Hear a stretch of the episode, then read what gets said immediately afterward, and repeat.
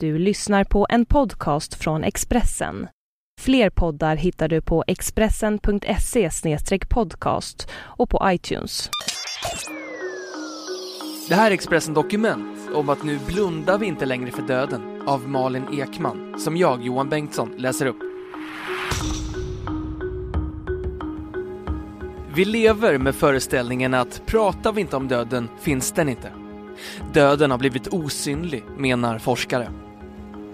Samtidigt är mottrenden uppenbar. Beröringsskräcken har övergått i en nyfikenhet. Svenskarna söker sig till de självupplevda sjukdomsbloggarna.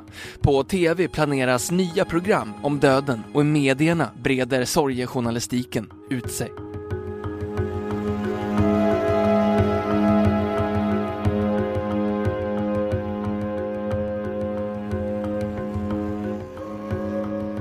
Runt den medeltida dödsbädden samlades hela släkten med förhoppningen att insupa den döendes sista visdomsord.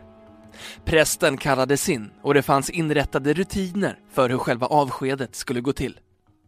För den som ändå var osäker erbjöd manualen Ars Moriendi från år 1415, handlingen i konsten att dö, i sex praktiska kapitel.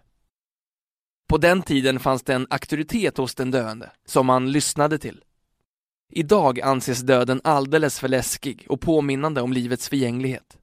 Man ser döden som skamlig och lite tabubelagd och den döende ska helst försvinna i det tysta, säger Anja Hidman, docent i journalistik och författare bakom antologin Döden i medierna. 2013 föds och dör många fler än på medeltiden. Livet har statistiskt sett blivit längre de livshotande sjukdomarna färre och hotet om döden mer avlägset. När döden lyfts fram i medierna idag handlar det oftast om den plötsliga, orättvisa eller alldeles för tidiga döden. Barnet som blev påkörd av en rattfyllerist, morföräldern som dog för att sjukdomen inte upptäcktes av läkaren i tid, eller tonåringen som inte fick vara med om sin egen studentexamen. Den naturliga död som drabbar alla förr eller senare har däremot ingen given plats i mediedramaturgin. Man blir nästan lurad att tro att man har rätt att fortsätta leva. Jag tror att vi utgår ifrån att livet är en självklarhet. Sjukvården har gjort framsteg, vilket ju är bra. Men acceptansen finns inte riktigt på samma sätt när döden inte är lika närvarande. Döden har blivit osynlig, säger Peter Strang, överläkare och professor i palliativ medicin som är aktuell med boken Så länge vi lever, hur insikten om livets korthet kan tydliggöra nuet och dess möjligheter. Strang menar att den ungdomskultur vi lever i fungerar som ett imaginärt skydd mot döden. Vi är så upptagna av att hålla oss unga och att se unga ut att vi skjuter upp tanken på att vi faktiskt ska dö. Men även om inställningen till döden enligt Hideman och Strang kännetecknas av en icke-acceptans menar båda att intresset för döden och döendet vuxit. Beröringsskräcken har övergått i en nyfikenhet. Den cancersjuka musikern och journalisten Christian Gidlunds blogg I kroppen min följdes av tiotusentals svenskar och har getts ut i bokform av Bonnierförlaget Forum. När Gidlund sommarpratade i P1 i juni blev hans berättelse om livet med obotlig cancer och resan mot döden den överlägset mest delade i sociala medier. Det sista blogginlägget publicerades av hans anhöriga som gav beskedet att Christian Gidlund gått bort tidigare under dagen. Många andra sjukdomsbloggar har, liksom i Kroppen Min, haft en stor och engagerad läsarkrets. Och döden har fått en plats i traditionella medier. Med start i november sänder SVT livsåskådningsprogrammet Döden, döden, döden i åtta delar. Serien är min egen idé utifrån att jag ville konfrontera min egen rädsla. Vår generation är en av de första som är helt sekulariserad. När vi växte upp så ansågs det ointellektuellt att prata om ett liv efter döden, så vi pratade politik och föräldraförsäkring istället. Nu upplever vi backlashen, säger programledaren Anna Lindman. Människan vänder sig inte längre i samma utsträckning till Gud för att söka svar på livets mening, men slutar för den skull inte att ställa frågan. Människan är till sin natur meningssökande och det enda djur som är medvetet om sin dödlighet.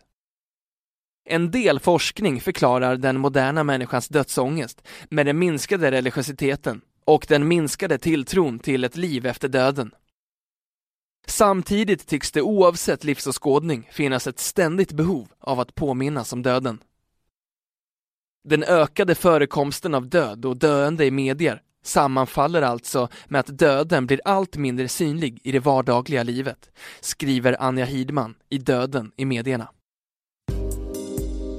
Hon får stöd av sociologen Anthony Gidden som hävdar att medierna fyller funktionen att komma i kontakt med saker vi upplever mindre av i vardagen, som döden och döendet. I västvärlden låter vi institutioner ta hand om den döende, vilket det blir ett sätt att osynliggöra döden. Jag tror att sjukdomsbloggare ger en möjlighet att reflektera över existentiella frågor på ett helt annat sätt än andra medier, säger medieforskaren Yvonne Andersson som också medverkar i antologin Döden i medierna. Många verkar grubbla över frågorna. Idol-jurymedlemmen Laila Bagge skrev nyligen på sin blogg att hon låtit förbereda varsin hejdå-video till sina barn. När hon går bort ska filmklippen plockas fram ur gömman och spelas upp för sönerna. Komikern och skribenten Aron Flam tänker på döden varje dag och det går inte en familjemiddag utan att den kommer på tal. 2006 gav han tillsammans med Jonathan Unge ut presentboken Sista ordet, citat och fakta om döden. I protest mot att genren dominerades av tankeväckande citat om kärlek och lycka. Döden är viktigare att prata om och jag tror budskap om döden kan vara minst lika givande som de om lycka, säger Aron Flam. Astrid Lindgren sägs ha inlett varje samtal med systrarna Stina och Ingegärd med att tala om döden. Hon ville helt enkelt ha det avklarat, men insåg också nyttan i att erinra sig om livets ändlighet. Professor Peter Strang använder tanken på döden som ett redskap när han ska fatta viktiga beslut. Jag tänker på döden och livets korthet regelbundet. Det är inte så att jag skräms eller ältar, men när jag fattar beslut funderar jag på hur jag skulle välja om jag hade ett, tio eller 30 år kvar att leva. Det gynnar livskvaliteten, säger han. Blir vi medvetna om döden fattar vi klokare beslut och lever mer intensivt, försäkrar Peter Strang. Ett sätt att bli medveten om döden är förstås att följa den döende, om inte i verkligheten, så på internet. På sjukdomsbloggarna som blivit stora på senare år förmedlas insjuknandet och döendet av huvudpersonen själv.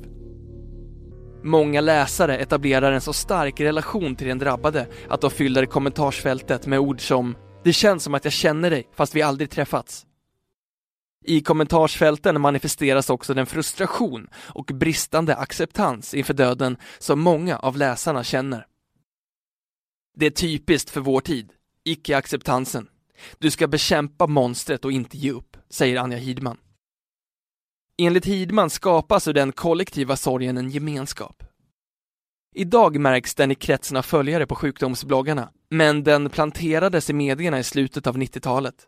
Prinsessan Dianas död 1997 blev i någon mån startskottet för det Hidman kallar sorgejournalistiken. Det är kutym inom nyhetsjournalistiken att skapa en känsla av det oförståeliga att någon har gått bort. I sorgegemenskapen finns också en tröstande aspekt och en illusion av kontroll, säger hon. Många som sett döden på nära håll har ofta ett liknande budskap. Ta tillvara på ditt nu. Bland andra Christian Gidlund. Den 25 oktober 2012, ett knappt år före sin död, reagerar han mot detta ständiga språng som han själv en gång var en del av på sin blogg. Han skriver Var är ni på väg när där man var alldeles nyss är där man vill vara?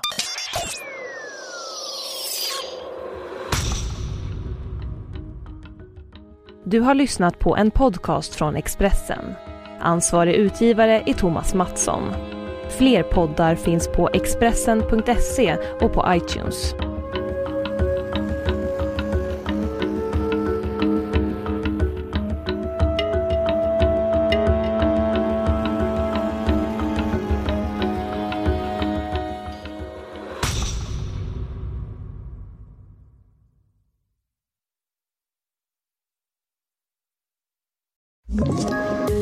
Poddtips från Podplay.